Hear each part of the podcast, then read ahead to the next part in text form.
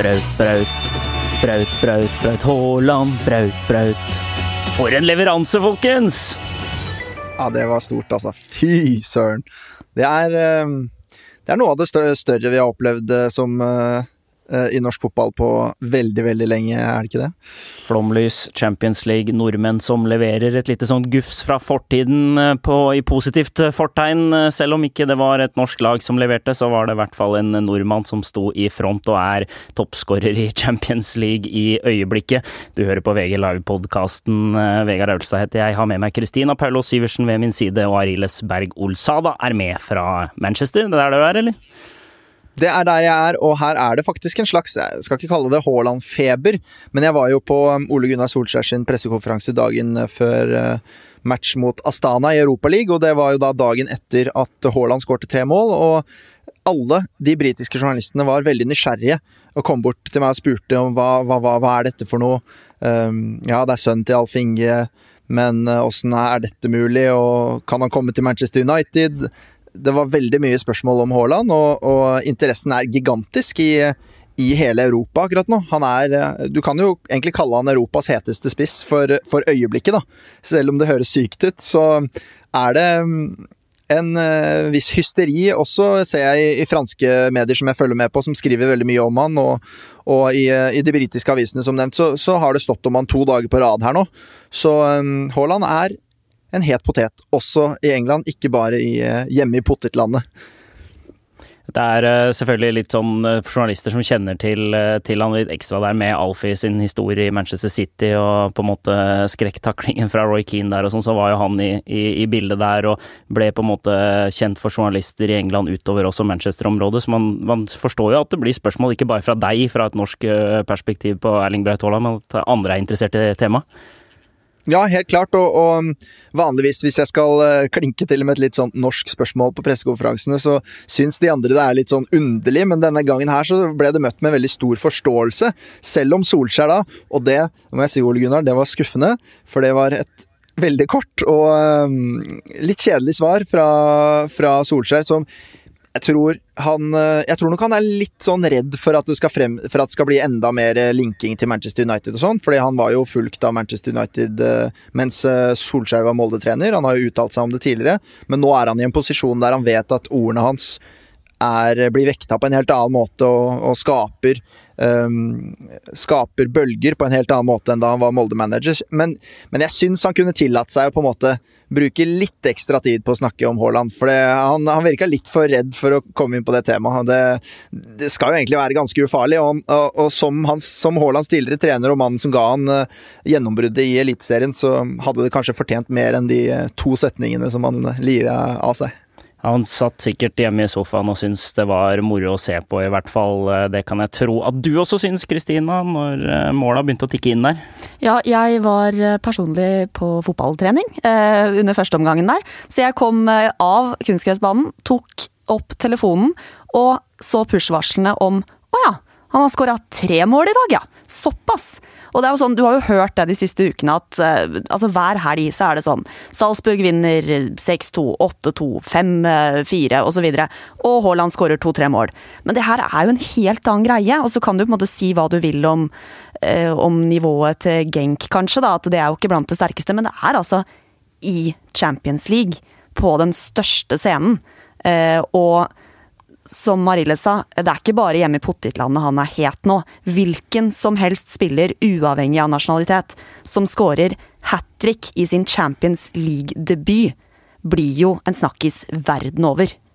Jeg satt og så på jeg satt og så på kampen sammen med Bernt Hulsker i sofaen her nede, og vi, vi mista det. det, det vi det. det var gøy. Det er korrekt! Det er korrekt, det kan jeg skrive under på.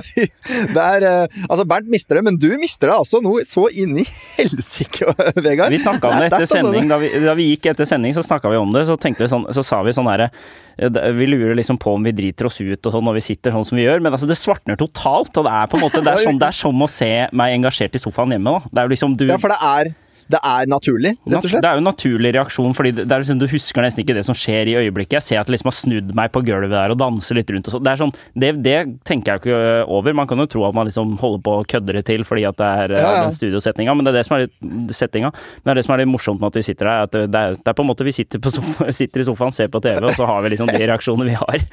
Sjukt nok. Ja, jeg satt og så på det på Så klipp av det på Facebook her. Jeg tenkte sånn Det, det, det ser ut som det svartner totalt, men da, da, er det jo det, det, det gjør. Men det er jo deilig da å få, få, sånne følelser i Champions League fra et norsk perspektiv. Det har vært eh, sjeldent. Så tror jeg at det, jeg så jo Trond Johansen skrev jo kommentar om, eh, i VG om Haaland, og, og, nevnte jo gjorde, altså nevnte hvilke lag han har skåret mot, da, og lista opp de lagene. og Da ble det jo litt sånn Han ble liksom ansett for å være litt sånn sur, sur og for å surmule litt i, i kommentarfeltet der. så ja, det er jo en legitim debatt å snakke om hvilke lag han har scoret mot. fordi han har jo ikke møtt Liverpool, liksom, sånn som han skal gjøre uh, snart i Champions League, neste Champions League-kamp på, på Anfield.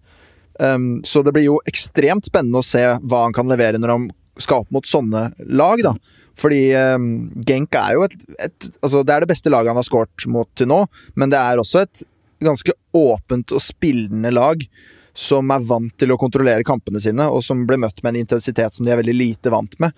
Og eh, med spillere som ikke har vært i nærheten av å spille Champions League-fotball før. Så det blir utrolig spennende å se eh, om man kan bekrefte det, de tendensene når, når motstanden er eh, et knepp opp van Dijk og Kolibaly som er de neste stopperne han skal opp mot. Det er ikke, det er, det er, det er ikke kjedelig, det. Eh, men altså, nå er jo eh, Erling Braut Haaland forholdsvis ny i det norske mediebildet. Han er på en måte, det er på en måte kun de, de mest interesserte som har visst hvem han før eh, sesongen hvor han begynte å herje Molde, og med mesterskapet i sommer hvor liksom ni skåring mot Honduras, og, og, han først når overskriftene virkelig nå, da, så det kommer jo en ordentlig boost for hans del. Og det man har lagt merke til tidligere, er at han kanskje gir ikke så mye mye av seg selv i hvert eneste intervju han gjør, og det fikk Viasats eh, engelske reporter eh, merke da han skulle intervjue Erling Braut Haaland etter kampen. Vi kan jo høre på det først. How are you feeling right now? I feel very good. Anything else? Uh, you asked how I feel. I asked. I answered. I feel very good. What's the secret? 17 goals now this season in nine games. To work hard. Okay. You've seen the Liverpool result, they lost 2 0 tonight. In two weeks, you go to Anfield. Your father scored there in 1997. Are you going to follow suit? I hope so. How are you feeling um, in. Come on. Ja. Uff, jeg føler med reporteren her. Den er så, den er så vond, den derre uh, For han, okay. han, blir helt åpenbart um, uh, irettesatt av pressesjefen sin, Haaland, fordi han svarer så kort. Ja. Så du ser at han får en beskjed fra bak kamera om å liksom skjerpe seg og gi, gi litt mer av seg selv, og så svarer han så, så bare liksom trekker han på skuldrene og sier So bad questions. Og han der reporteren med ham, han skjønner jo ikke hva han skal gjøre i det hele tatt. Men jeg kjenner meg faktisk igjen. Fordi første gang jeg intervjua um, Erling, det var, um, det var etter at han hadde scoret mot Viking for Molde. Uh, og feira foran uh, Vikingfansen. Mm. Uh, litt sånn provoserende, for han er jo Bryne-gutt, så han, det betydde ja. jo veldig mye for han. Og da var det også sånn Hva er det på en måte ja, Kan du fortelle oss litt mer om deg selv? Hva er dine store kvaliteter? Skåre mål. Og det var, alle svarene var liksom maks tre-fire ord, da. Og det var utrolig vanskelig å få noe ut av han. Og da trodde jeg egentlig at det var Solskjær som var sjefen hans på den tida, og jeg spurte Solskjær om dette. Og da sa han nei, det er bare bra at han, at han gjør sånn, han trenger ikke gi noe av seg selv, det er på banen han skal levere. Jeg trodde nesten at det var Jeg så Jonas Berg Johnsen, som selvfølgelig har intervjua han mye, jeg tror også at det var liksom en beskjed han hadde fått av Solskjær. Så jeg har alltid vært usikker på om dette bare er sånn Er han totalt uinteressert i å gjøre noe i mediene? Eh, er han litt beskjeden, tenkte jeg i starten? Eh, eller er det bare Har han ikke noe mer å bidra med? Men nå fremstår det mer som en sånn image-greie, eh, mer eller mindre. Og det gjør han jo veldig populær blant folk. da Jeg ser jo folk digger det jo. Vi journalister syns jo det er litt provoserende, fordi du vil jo gjerne ha Altså, de spørsmålene fra han reporteren er jo ikke Det er jo ikke verdens beste spørsmål, men det er jo ikke helt elendige spørsmål heller. Det er jo spørsmål hvor du vanligvis kan få ålreite svar etter en sånn kamp. Men han får jo journalisten til å fremstå som en totalidiot, ikke sant? fordi han svarer så kort. Og da, da, høres jo de spørsmålene enda dummere ut. Men jeg tror det bygger han som profil, som en, eh, Litt. Det er, det er, jo litt arrogant, da. Det er jo, det er jo en typete med det som, som, jeg for så vidt liker at man får av en norsk spiller. Han har jo, eh, har ikke bare vært så kort i alle intervjuene han har gjort denne sesongen heller. Han var jo helt nydelig nede i Østerrike der etter at han hadde skåra det første hat tricket sitt. Hvor han da liksom sto og holdt den eh, matchballen i armene og at snakka om at det var kjæresten hans og at de skulle dele seng i kveld og det ene med det andre. Så han er jo litt sånn jeg tror han er bevisst på det, da, som du sier, at, eh, at det er blitt en sånn image-greie. At han innimellom leverer litt sånn småarrogante, artige greier, og så plutselig så er han bare helt kald igjen og svarer med tre ord av gangen. Maks. Det var jo um, Altså, det var jo på en måte Uh, litt sånn i starten her i Norge òg, men vi har jo sett noen intervjuer hvor han liksom Altså, han ble plassert av TV 2 ved siden av Martin Ødegaard i forbindelse med landslagssendingene sist, hvor de bare satt og lo og kødda med hverandre, og det liksom, de hadde virkelig funnet tonen der. Og du så jo vår reporter som var nede på kampen, og fikk han jo til å smile etter at han hadde venta hele natta omtrent på at han skulle komme ut fra dopingkontroll, og vi hadde fått historien om at han hadde hørt Champions League-hymnen foran lagkameraten i bilen dagen før, og det var jo, da var det jo en smilende Erling Braut Haaland som møtte han etterpå. Så jeg tror sånn derre Det han, han er så genuint fotballinteressert, og det ligger jo så naturlig for han å skåre mål, og flyten er der. Så på en måte det han føler kan hjelpe han, og det han syns er morsomt, virker det som han på en måte mm, gir seg hen til. Og så er det litt mer det derre at han, som du snakker om, Ariles, har litt image da, når han, at han kan, kan være litt sånn tøffing. Han, han legger jo ut bilde og skriver at Zlatan er idol og sånne ting. Så kan han, han er jo fortsatt såpass ung at han syns andre er litt kule òg, ikke sant? Ja, han er jo bestekompis med, med Botheim på Rosenborg, som en, uh, har en litt annen profil i møte med mediene. En uh, frittalende og uh, ja, en, en, artig kar. Og de, de, har jo laget musikkvideo sammen. Dere har jo garantert sett denne Kygo-jo-låta og et par andre låter som ligger ute på YouTube. Så Erling Braut Haaland er jo ikke så stoneface som han kanskje fremstår i noen intervjuer. Men jeg digger at han, at han gir den internasjonale pressen litt uh, En liten utfordring, da. Ja, Funny type som det blir uh, veldig veldig gøy å følge utover høsten videre. Med Liverpool og Napoli-kamper i sikte, så er det, jo, er det jo bare å glede seg. Du har møtt en annen nordmann, eh, nordmann denne uken som har hatt en, eh, noen kule dager. Fordi Alexander Tetti var kaptein da Norwich City sto for det som kanskje kan bli sesongens største skrell i Premier League, hvor de på Carrow Road slår Manchester City 3-2. Uslåelige Manchester City blir altså slått av eh, guttene i gult og grønt. Og jeg regner med det var en en livlig og, og, og, i kjent stil artig Tetti du møtte på kafé et par dager etter den seieren, Arild. Ja, nydelig fyr. Han oppmuntra meg etter eh, fire og en halv time med tog eh, til Norwich fra Manchester, og fire og en halv time tilbake, for så vidt. Og det var satt, Vi satt i en time, han spiste pannekaker, og jeg spiste vel noe toast-greier, og, og, vi koste oss og prata om um, stort og smått, og Rosenborg og Manchester City og Norwich, og det som har vært en imponerende karriere så langt. Han snakka jo annet om den City-kampen og, og, planen de har lagt, da, for de har jo en, en manager, Daniel Fark, en, en tysker som Farke. Fark. Daniel Fark! Eh, som eh, står for en veldig underholdende og sånn uredd eh, fotball som vi har sett både mot eh, Liverpool, hvor de tapte 4-1 og prøvde å spille seg ut bakfra hele veien og, og dreit jo på draget et par ganger. Og, og så tenkte man her kommer de til å stramme inn her nå. Så har de jo egentlig bare fortsatt med det samme. Knepen tap mot Chelsea i det, det andre topplaget de har møtt, uh, hvor de også gjorde en veldig god og sjarmerende figur. Og så vinner de mot uh, City, og de vinner ikke sånn som nyopprykkede lag har hatt en tendens til å gjøre en, en gang iblant, med å bure igjen bak og bare kontre eh, et storlag i senk, da, mot eh, på en måte de, de, de, spiller jo ball i hatt med City eh, til tider. City som har dette beryktede høye presset sitt, som de egentlig bare leker seg rundt med, med Tetti i en sentral rolle der. Han er jo ikke noen spiller som er kjent for sånn ballettfotball, men uh, han uh, spilte 90 minutter, til tross for at han ikke har vært med på sesongoppkjøringen og bare hadde et par minutters uh, spilletid fra før. Sier at planen for å stoppe City var å presse dem bare i enkelte områder på banen. La dem holde på i andre områder, men hugge til der hvor, det, de, der hvor manageren mente at det var farlig. Og den, den planen gikk perfekt. Og, og de ønsker heller å tape med sin egen stil enn å vinne med en annen stil. Og det er selvfølgelig veldig sjarmerende, og et kult tilskudd til Premier League med en, eh, en Tetty som kaptein, da, som uh, mot alle odds kan man faktisk si fortsatt uh, going strong i en Premier League-klubb han er nå 34, 33 år gammel, inne i sitt siste kontraktsår, som, som etter alt å dømme ikke blir forlenga. Men da han signerte for, for Norwich, så hadde nok ingen trodd at han skulle være der i åtte år, som han kommer til å ende opp med å være nå. For han signerte en toårskontrakt. og og det var, eh, det var, kult å høre han eh, snakke om, om, akkurat det, for han eh, virker åpenbart veldig sånn, stolt. Selv om han ikke får veldig mye kred i Norge, da. Ja, du var jo inne på mye av dette temaet, så vi kan egentlig bare høre hva han sa selv nå, for du har med et lite utdrag av intervjuet. Det har vært utrolig, utrolig for min del. Eh, fjerde perioden i, i, i Premier League. Eh, blitt, blitt championship eh, på topp opprykk og blitt mester. Selv om jeg har spilt der tre sesonger, så er det jo det er utrolig.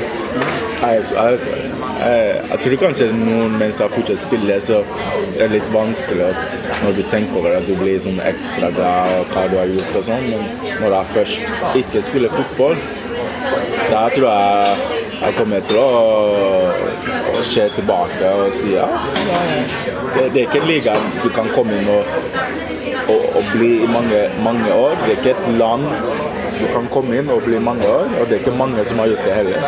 Så jeg, jeg tror jeg kommer til å være veldig stolt, egentlig. Tror jeg.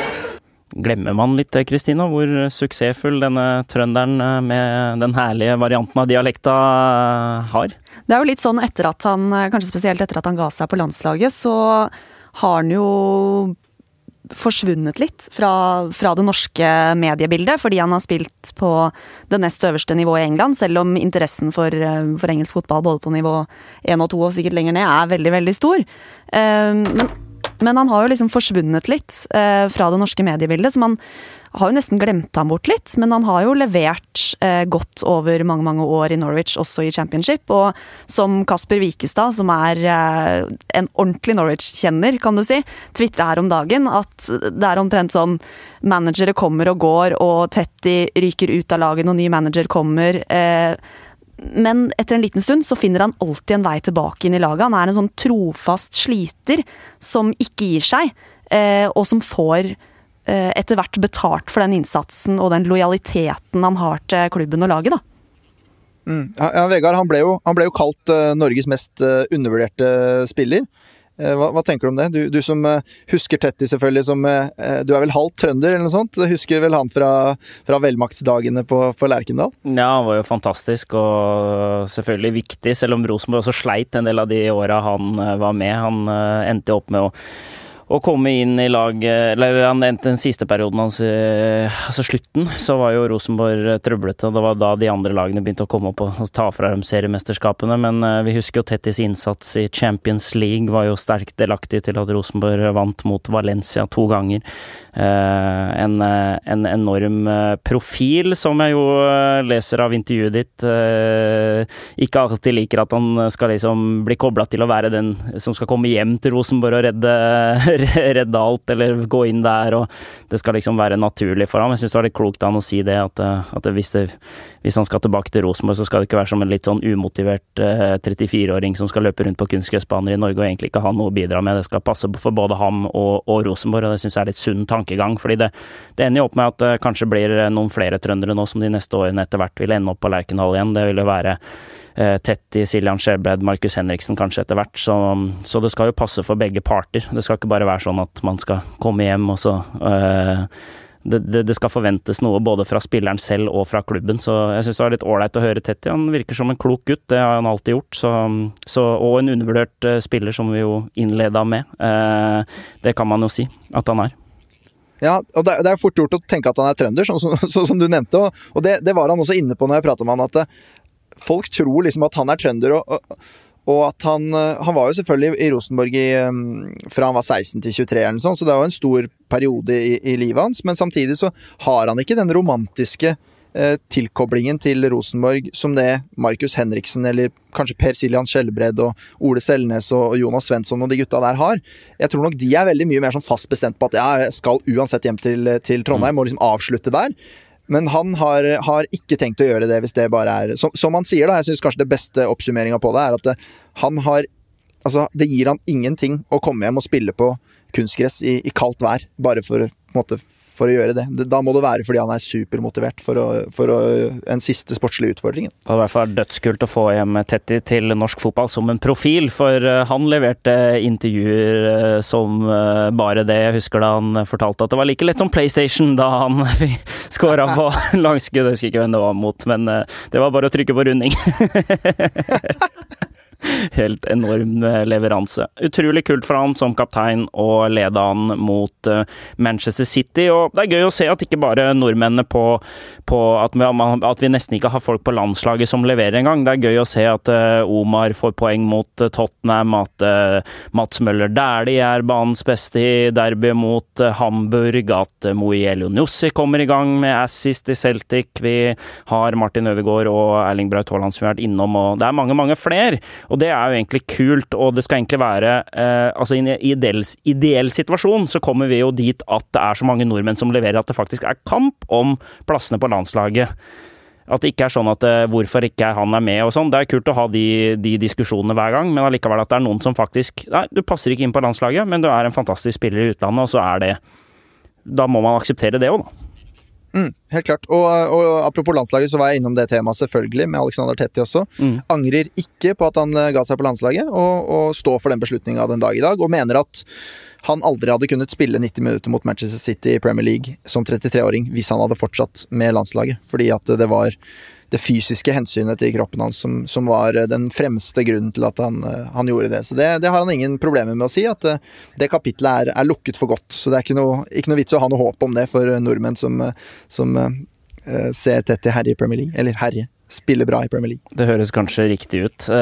Vi må se litt mot internasjonal fotball, fordi Champions League-starten gjør jo at mange får opp ja, altså litt gleden i høsten, da, ved at det er noen eh, kamper i flomlys og Champions League-hymnen på TV i ellers trauste kvelder, kan man vel si. Det blir mørkere ute, men man har heldigvis eh, disse kampene å se fram til. Og det var jo en eh, forrykende start, selv om enkelte lag har transportetapper, som f.eks. Manchester City, da. Men hvis vi begynner med dem, da, så er det vel verre for deres del bakover når vi nå går inn i en ligaperiode hvor Liverpool har hatt en perfect season så langt. og City City gikk på tap i helga og har allerede et ta, poengtap mot eh, Tottenham. Så det er klart det begynner å bli litt vanskelig for Pep Guardiola å finne ut hvem som skal spille bak der. Jeg så på Twitter en mm. video hvor han eh, Ikke han, men en lookalike eh, holdt på og, skulle gjøre en Var sint der. Du, du, det var du som la ut tweeten, var det ikke? Ja, det er, det, er en, det er, en, video av Jeg tror det er fra Marokko eller noe sånt, men det er bare den, den, teksten til den videoen som står at det er Pep Guardiola som prøver å overtale en ukrainsk bussjåfør til å bli midtstopper ja. på laget hans. Den må dere bare Jeg kan gå inn på Twitteren min og, og se den, for den er veldig fin. Ja, en digresjon men, der, er, men midtstoppere eh, Det er eh, det, det å, å, Ja, altså Otamendi rett inn der og tenkte liksom ja, han kan jo fungere, han. Så spiller han rett i motstanderen og, og driter seg ut i første match der. Ja, og, og, John Stones er ute nå, og eh, Emerick Laporte er ute lenge. Mm. John Stones i hvert fall en måned. Og, da, og Manchester City ville jo egentlig ha inn en midtstopper i sommer, for de mista jo Vincent Company, eh, som dro eh, til eh, Anderlecht. Og klarte ikke å erstatte han. De var jo ute etter Harry Maguire, men ville ikke betale overpris, og droppe han. Og, og endte opp med å ikke forsterke seg. Og det eh, betaler de jo dyrt for nå. Foreløpig så har det jo gått for så vidt greit. Man så jo at de sleit uten Laporte mot uh, Norwich. Og jeg tror at um, nøkkelen for de andre lagene i Premier League er nok å presse dem høyt og, og angripe dem og gi dem utfordringer. Fordi Fernandinho, som etter alt å dømme blir den som rykker tilbake i rekkene og, kommer til å spille i Forsvaret, han er en veldig god ballspillende uh, midtstopper. Han kan helt fint bekle den rollen så lenge lag gjør som de ofte gjør mot Manchester City, legger seg bakpå, gir dem initiativet, så kan han være en, eh, en, ballstasjon bakfra. Da er det ikke så utfordrende. Men hvis man begynner å utfordre dem i lufta, utfordre dem eh, egentlig overalt, da, men bare på en måte eh, har en mer offensiv tilnærming til City, så tror jeg at det kommer til å ha enorme eh, ringvirkninger for, eh, for dem eh, i ukene som kommer, og, og, det kan koste dem ganske mange poeng i en gullkamp som de allerede er i bakliksa. Eh, i, eh, med tanke på at Liverpool har et forsprang for, på fem poeng. Så dette her er jo en slags gavepakke til, eh, til, til Liverpool, og, og, noe som kommer til å skape store utfordringer for City. Ikke minst fordi Laporte og John Stones er to av de to av de mest luftsterke spillerne de har. Og de har ikke flust av sånne høye fysiske beist bak der som kan rydde unna. Og de har sluppet inn 50% av målene sine på dødball, så det er åpenbart et, svak, et, ledd som allerede er svakt, og som blir enda svakere med tanke på disse to uh, fraværene. Så City har en kjempeutfordring foran seg. Det er jo, jeg tror de skal være glad at de har trukket den letteste Champions League-gruppa. Ja. Fordi eh, med kamper eh, oftere og cupene som begynner å blande seg inn her og sånn, så altså, det, er ikke bare det at du skal ha én forsvarsfirer som fungerer, men nå skal du ha flere spillere som skal fungere der inne også. Nå så Fernandinho bra ut mot Sjaktar, da, men det er kanskje ikke all verdens motstand. Du, men du har allerede Watford til helga, da, som kommer med sånn en del offensivt morsomme spillere. Selv om de har sagt at de skal, etter den forferdelige starten og trenersparkinga, skal begynne med å mure igjen bakfra bakfra, så tror jeg nok de offensivt kan gå ut og lage litt trøbbel for, for City. Ja, de hadde 31 skudd mot uh, mm. Arsenal. Altså ny uh, bunnnotering for Arsenal i Premier League-historien mot de, eh, det laget som ligger på sisteplass. Så Watford kan bli en utfordring allerede på, til helga for, for City, helt klart. Og det ja, det, det, er jo skummelt hvis sånne lag begynner å bli nevnt som en utfordring for City, men det forsvaret er, er jo litt skummelt, rett og slett. Altså, men vi har sett før at Guardiola har klart å trekke en, en joker opp av hatten og omplassere en spiller til, til, å bli midtstopper, som han gjorde med Mascherano da han var i, mm. i Barcelona. Ble en super midtstopper som fungerte som bare det. så Guardiola er kreativ, så han uh, tar nok dette, denne utfordringen her på strak arm. Men det er, det er, ingen tvil om at dette, dette, på en måte senker oddsen for ligagull for Liverpool. For dette er snakk om såpass viktig periode i sesongen. Så syns han det sikkert var fint å se at Carlo Angelotti ser ut til å ha funnet ut hvordan han skal slå Liverpool, Kristina, for eh, Napoli. De tok Liverpool på tirsdag, de. Ja, det var jo omtrent reprise av eh, bortematchen mot Napoli forrige sesong, det. Bare at nå ble det to mål i stedet for ett. Eh, og veldig overraskende at, eh, at, det er van Dijk, altså den hyllede mannen som, er, som aldri gjør feil, som eh, gjør den største feilen i den kampen her. Og så kan du være litt kritisk mot eh, Robertson og Adrian i i hvordan de går på den pasningen som kommer inn i feltet der, for begge to stopper opp og slipper fullstendig Jorente til der. Men overraskende å se han gjøre den type feil. Så det er jo, er jo ikke umulig eh, for andre lag å kneble Liverpool heller. Men eh, som vi snakker om, at hvis den sesongen blir som han blir i fjor i Premier League, eh, så kan jo fort det Norwich-tapet bli skjebnesvangert for den gullduellen. For det var ikke mange poeng som ble avgitt av noen av de lagene i fjorårssesongen. Minifeil som avgjorde hvem som tok gullet i eh, Premier League i fjor. Ja, definitivt. Og, jeg er ikke noe bekymra på Liverpools vegne, selv om de tapte mot, uh, mot, Napoli. For jeg mener at de var mye bedre i den kampen enn det de var i det, det samme oppgjøret i fjor. Uh, og det sa jo Jørgen Klopp også, at, han, at, prestasjonen var på en måte vel så bra. Og de, de sløste jo bort mange sjanser, ikke minst Mohammed Salah, som som burde, burde, hatt et par mål. Og, og, Derfor så tror jeg liksom at de kommer til å stable seg på beina igjen veldig veldig kjapt i, i Premier League og at de kommer til å fortsette å, å plukke poeng. Så um, det toget til Liverpool det tøffer, tøffer av gårde. og Så kommer de fleste litt han haltende etter, men uh, City har ikke noe tid å miste der, altså på Parc de Prins i Paris eh, så har det vært litt av en uh, halv uke, egentlig. Fordi det begynner jo med helgas kamp mot Strasbourg, hvor det er 0-0, og Neymar skal spille igjen. Han har jo da brukt noen serierunder på å komme tilbake. Og så har det jo egentlig at de skal Altså, da de presenterte spillerne for sesongen på rød løper og sånne ting, så er jo ikke De droppa det jo i år fordi de trodde det skulle bli så mye buing på Neymar, og det blir det når han kommer på banen. Så ender det jo da selvfølgelig med at han eh, artisten der brassesparker inn mål på overtid, sånn at de vinner 1-0, og det er piping over hele stadion. For så, noen dager senere, så er jo han ute sammen med Mbappé i Champions League. De sitter på tribunen og ser at Paris Saint-Germain feier Real Madrid av banen og vinner 3-0. Helt sjuk start for PSG, det er greiene her. Det Ja. Ja, det er en såpeop, eller en såpeserie av en fotballklubb Det er etter en uh, sommer med intriger, så, så innfrir de jo også på banen uh, nå, da, med, med, mye, mye å snakke om. Vi kan jo starte med den buinga mot Neymar. For jeg fikk jo jævlig mye tyn på Twitter fordi at jeg mente at det var feil av fansen å bue på han etter den skåringa.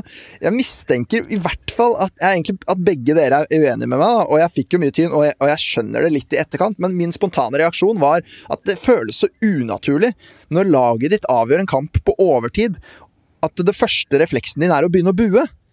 Uh, selv om jeg skjønner Neymar, men det er, jo mye, det er jo mye møkk i fotballen. og Man veit jo at ingen er lojale uansett, og i hvert fall ikke en klubb som PSG. Det, Hva var det man hadde for ja. Det sier litt om hvor sterkt det sitter, da, når du, når du, nevner akkurat det du nevner. Den første refleksen din er å bue. Det betyr at, det, det betyr at du som PSG-supporter har tatt på deg drakta, gått på kampen, og, og du har et eh, liksom standpunkt, da, og det er at Neymar uansett så skal han få den, eh, den eh, på en måte det han fortjener. Det er det han gjør. Han fortjener jo å få den buinga. Det er på en måte Det har jeg ingen Altså, det er jeg på en måte 100 klar på. Ja, ja, at det fortjener han. Og, og, at han gjør det. Jeg, jeg digga det fansen gjorde. Det, det, det, ser rart ut, men det er sånne øyeblikk som på en måte uh, setter i en moderne fotball penger uh, En spiller som respektløst går ut, vil ikke spille her. Uh, tenk hvor mange unge jeg har vært innom dette tidligere. Tenk hvor mange barn som har kjøpt den drakta, brukt penger, spart for å kjøpe en Neymar-trøye, og så skal spilleren din bare bort fordi du har ikke lyst til å spille her lenger, du skal til Barcelona, du har en overgangssaga hvert eneste overgangsvindu. Og så, og så, går du på stadion, og så skal han spille der igjen, og så scorer han, ja vel, men du buer på han. Det syns jeg står respekt av eh, Paris Saint-Germain-fansen. Ja, men, men, samtidig, det er jo veldig romantisk å høre, høre det. Mer romantisk enn du vanligvis er, uh, Vegard. Men, men, jeg mener jo uh, selv at uh, hvis de skal være litt smarte, så er det jo, de, er det ingen av partene som har noe å tjene på at, det, at de skal altså, Neymar blir. I hvert fall til januar, mm. sannsynligvis til sommeren òg. Han, han, han, skal eh, sannsynligvis være den viktigste spilleren deres sammen med Mbappé til, eh, på vei eh, mot et Champions League-trofé som de har lengta etter i, i årevis nå. Og det kommer ikke til å bli noe enklere hvis, hvis de fortsetter å bue mot han. Og, og, og, på et tidspunkt så mener jeg at de nesten er nødt til å tilgi han. da. Det er kanskje litt tidlig nå, men jeg mener at på et tidspunkt så er de jo nødt til å til å eh, slutte fred, i hvert fall midlertidig, og så kanskje skille lag eh, på en litt hyggeligere måte neste sommer. Men de har jo ikke noe å tjene på å fortsette sånn her, da. Ja, jeg... Fordi at, eh, hva, hva, er det de vil, da? Skal de, skal de sette Skal de ikke skal Kneimar spille, da? Det er kanskje det de ønsker, men det, det ville jo vært en uholdbar situasjon. Ja, du, du ser jo, hvis, du ser, altså hvis, man ser mange av reaksjonene deres, så er det det. det mange vil jo det, at han ikke skal spille. Så, men, men, om det er rette ja, det vet jeg ikke. Det jeg vil si, er at Neymar må fortsette å gjøre de tingene som han gjorde i helga. Det er det, det er det, han må gjøre. Jeg tror han må gjøre det ganske mange ganger. Og på en måte, hvis du, hvis du har et lag, da, så har du, har du lag uh, Spillerne dine er på en måte cirka på likt, og så har du noen favorittspillere som er et par steg foran. Da mener jeg at Neymar nå hos egentlig alle da, er fem og ti steg bak, så han på en måte må jobbe seg opp likt med de andre. Da må han gjøre sånn som det her flere ganger. Uh, og han må levere i Champions League. Han må, han må gjøre, han må gjøre seg han, Alle, alle veit hvor mye han kosta. Og da er det på en måte nå han må jobbe for å tjene inn igjen det. Fordi han kom som en stjerne, fikk Nike-reklame på Champs-Élysées og lever alle gutters drøm. Uh, og ikke bare fotballspilleres drøm, han er en verdensstjerne utover uh, fotballen. Uh, så han må på en måte fortjene den respekten, og den, den, føler jeg det er viktig at han tar på alvor den gangen her. Og dette er på en måte hans siste sjanse da, til å vise at han faktisk er fortjent til å bli et ikon som fotballspiller. For jeg tror ikke han blir noen Paris Saint-Germain-legende. det, det, toget tror jeg er gått for en stund siden. Nei. Det vil være en av de mest spektakulære uh, comebackene i, i fotballhistorien, hvis han klarer å snu den opinionen såpass. Men eh, det er, jeg har tosida mm, tankegang om, om Neymar og, og, det her. og Det ene er at uh, han viser jo en enorm mental styrke uh, ved å gjøre det her, da. Skåre dette målet i, på det tidspunktet. Og, um, men for det andre så det virker jo ikke som at han er eh, klar for forsoning, han heller. da. Han sier jo etter kampen at eh, ja, ja, da får jeg bare spille alle kampene mine denne sesongen på bortebane, da. Så får det bare bli sånn. Og blir spurt om han har en eh, melding til liksom ultrasfansen i PSG, og da er det bare niks, det. Har ikke, no, har ikke noe melding til dem, liksom, så det, det forholdet er jo totalt iskaldt. Men det som taler i fansens favør, da, og for de som mener at Neymar ikke burde spille, det er jo den prestasjonen vi så mot Real Madrid. Uten Neymar, uten Mbappé, uten uten Kavani også, et mer eh, kollektivt PSG som valset over eh, Real Madrid, og spesielt to spillere som man, man kan trekke fram. da, Angel Di Maria. To mål og en fantastisk kamp. Til og med sklitaklinger fra Di Maria, som vanligvis altså ikke pleier å være For en spiller, altså. Det her var sånn der eh, Real Madrid 2014-nivå, da han var beste spiller i finalen der og sånn. Altså, For en eh, Ja, altså Det er på en Ja, måte det. Du glemmer iblant hvor mange egentlig bra fotballspillere som er på det laget der. Ja, og han gjør det ofte i de aller største kampene, og jeg syns Thomas Tychel var, eh, var fin da han trakk fram etter kampen at eh, han fortjener mer kred, da. Alle snakker om Cavani og Mbappé Ja. og, Neymar, men han har faktisk levert sånne prestasjoner nå i eh, et år. Han fikk en litt treig start i PSG, men, men det siste året så har han vært eh, en av de aller, aller beste spillerne i klubben, og, og leverte igjen fantastisk, så det kan bli en stor sesong for han. Og så den andre spilleren, som kanskje kan være brikken som kan gjøre PSG til en eh, utfordrer i Champions League, det er eh, Idrissa Gay. For han kommer fra Everton. Eh, Ikke noe sånn superdyr signering, ikke noe veldig profilert signering, men de har skreket etter en midtbanespiller som gjør ryddejobben, og som kan balansere dem når, når det er litt for mange som går i angrep, og som kan vinne baller og, og gjøre det litt enkelt. Og det syns jeg han gjorde på en helt fabelaktig måte mot eh, Real Madrid. Til og med en assist der til Di Maria. Og mm, et veldig, veldig lovende, en veldig lovende start i, i hans første eh, store test. Da. Så Gay kan, eh, kan kanskje være forskjellen mellom suksess og ikke-suksess i Champions League for PSG denne sesongen. Men de vant 3-0 mot Bayern München i første Champions League-kamp for to år siden. Vi vet alle hvordan eh, det gikk, og de har gått på trynet ut der med en gang det, det gjelder. Så det er, litt typisk PSG da, å på en måte øh, å begynne å, å på en måte levere altså, Å knuse et eh, storlag fra Europa øh, med Å knuse et storlag fra Europa når de mangler alle sine beste spillere, bare et par måneder etter at de røyk ut mot et skadeskutt eh, Manchester United på hjemmebane, liksom. Så det, det, jeg tror det ikke før jeg får se det, da. At de eh, endelig kan lykkes i Champions League. Men starten er selvfølgelig veldig lovende. Enig Og- med Gøy. og Han var, eh, han var vanvittig bra. Uh, og så er det sånn Det er jo en siste motivasjon i Paris Saint-Germain, og du har Tiago Silva som kanskje har en sånn, sånn nesten sånn siste mulighet nå til å være med og løfte bøtta. Uh, så, så jeg håper egentlig at Paris Saint-Germain kan være med som en utfordrer. Akkurat nå så ser ikke Real Madrid ut som de er det. Nei, det gjør de så definitivt ikke. Altså, sirkus Madrid fortsetter jo, eller det er jo ikke sirkus heller, det er jo så grått. Det er bare flatt. Det er flatt og platt og grått og grusomt. Ehm, de, hadde de en eneste avslutning på mål mot PSG? Jeg tror ikke de hadde en eneste en. De har jo Bale sin som er offside, så har de skåringa til Benzema. De har to annullerte skåringer. Ja, men de blir- eh, telles vel da ikke i statistikken? Så har du frisparket til Bale som gikk rett over. Eh, nei, det var vel ikke noen avslutninger, da. Nei, det, er- det er altså så tungt med det laget der, og vi har snakket om det tidligere. Det er ingen rød tråd. Det er ikke mulig å se hva dette fotballaget vil. Verken defensivt eller offensivt. Alt er på slump. Alt er tilfeldig. Det er, det er helt ute. Det ser ut som det er en gjeng med fullstendig mette, umotiverte fotballspillere utpå der akkurat nå. Det er ganske Ja, merkelig å se på, rett og slett.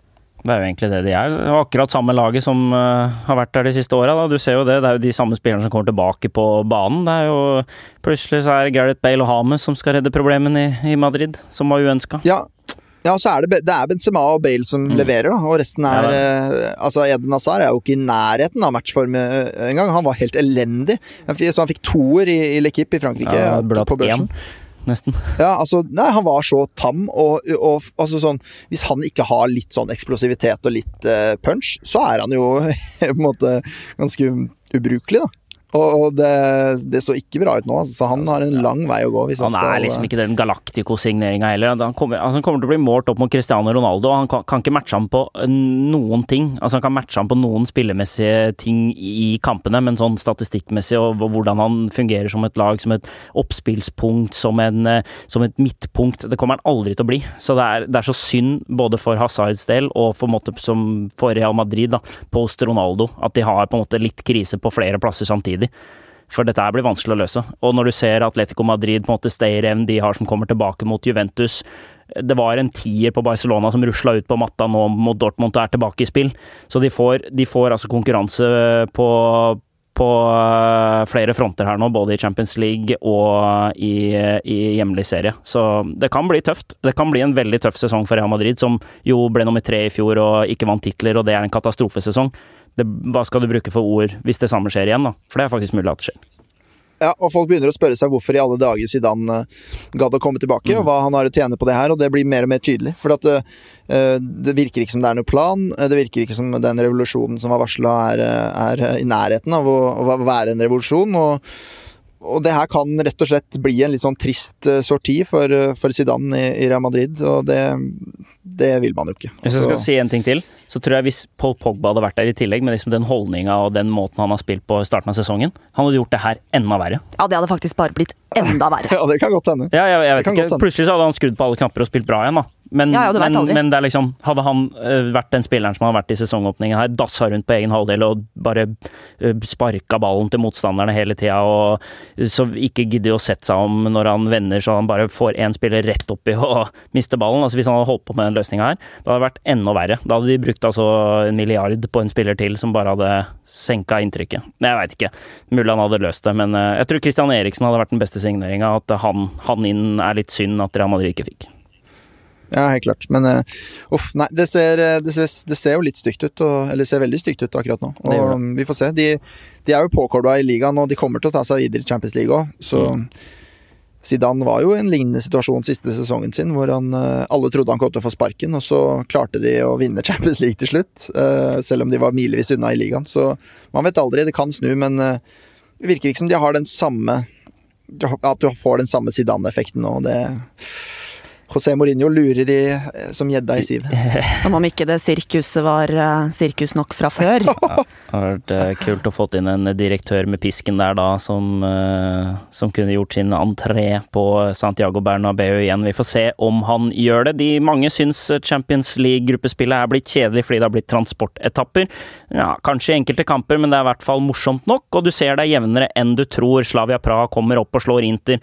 Nei, spiller uavgjort mot Inter, som er favoritt favoritt. Det er, det er, jevnere enn man kanskje skulle tro, og det er moro. Det er fem gruppespillsdager igjen utover høsten, og vi har ligafotball og internasjonale pauser å se frem til. VG Live Pod takker for i dag. Tusen eh, takk for at du hører på. Gi oss gjerne stjerner i iTunes dersom du syns vi fortjener det, og følg VG Live TV på Snap og Instagram. Der kan du også sende inn innspill dersom du ønsker å ha noen temaer tatt opp i denne podkasten.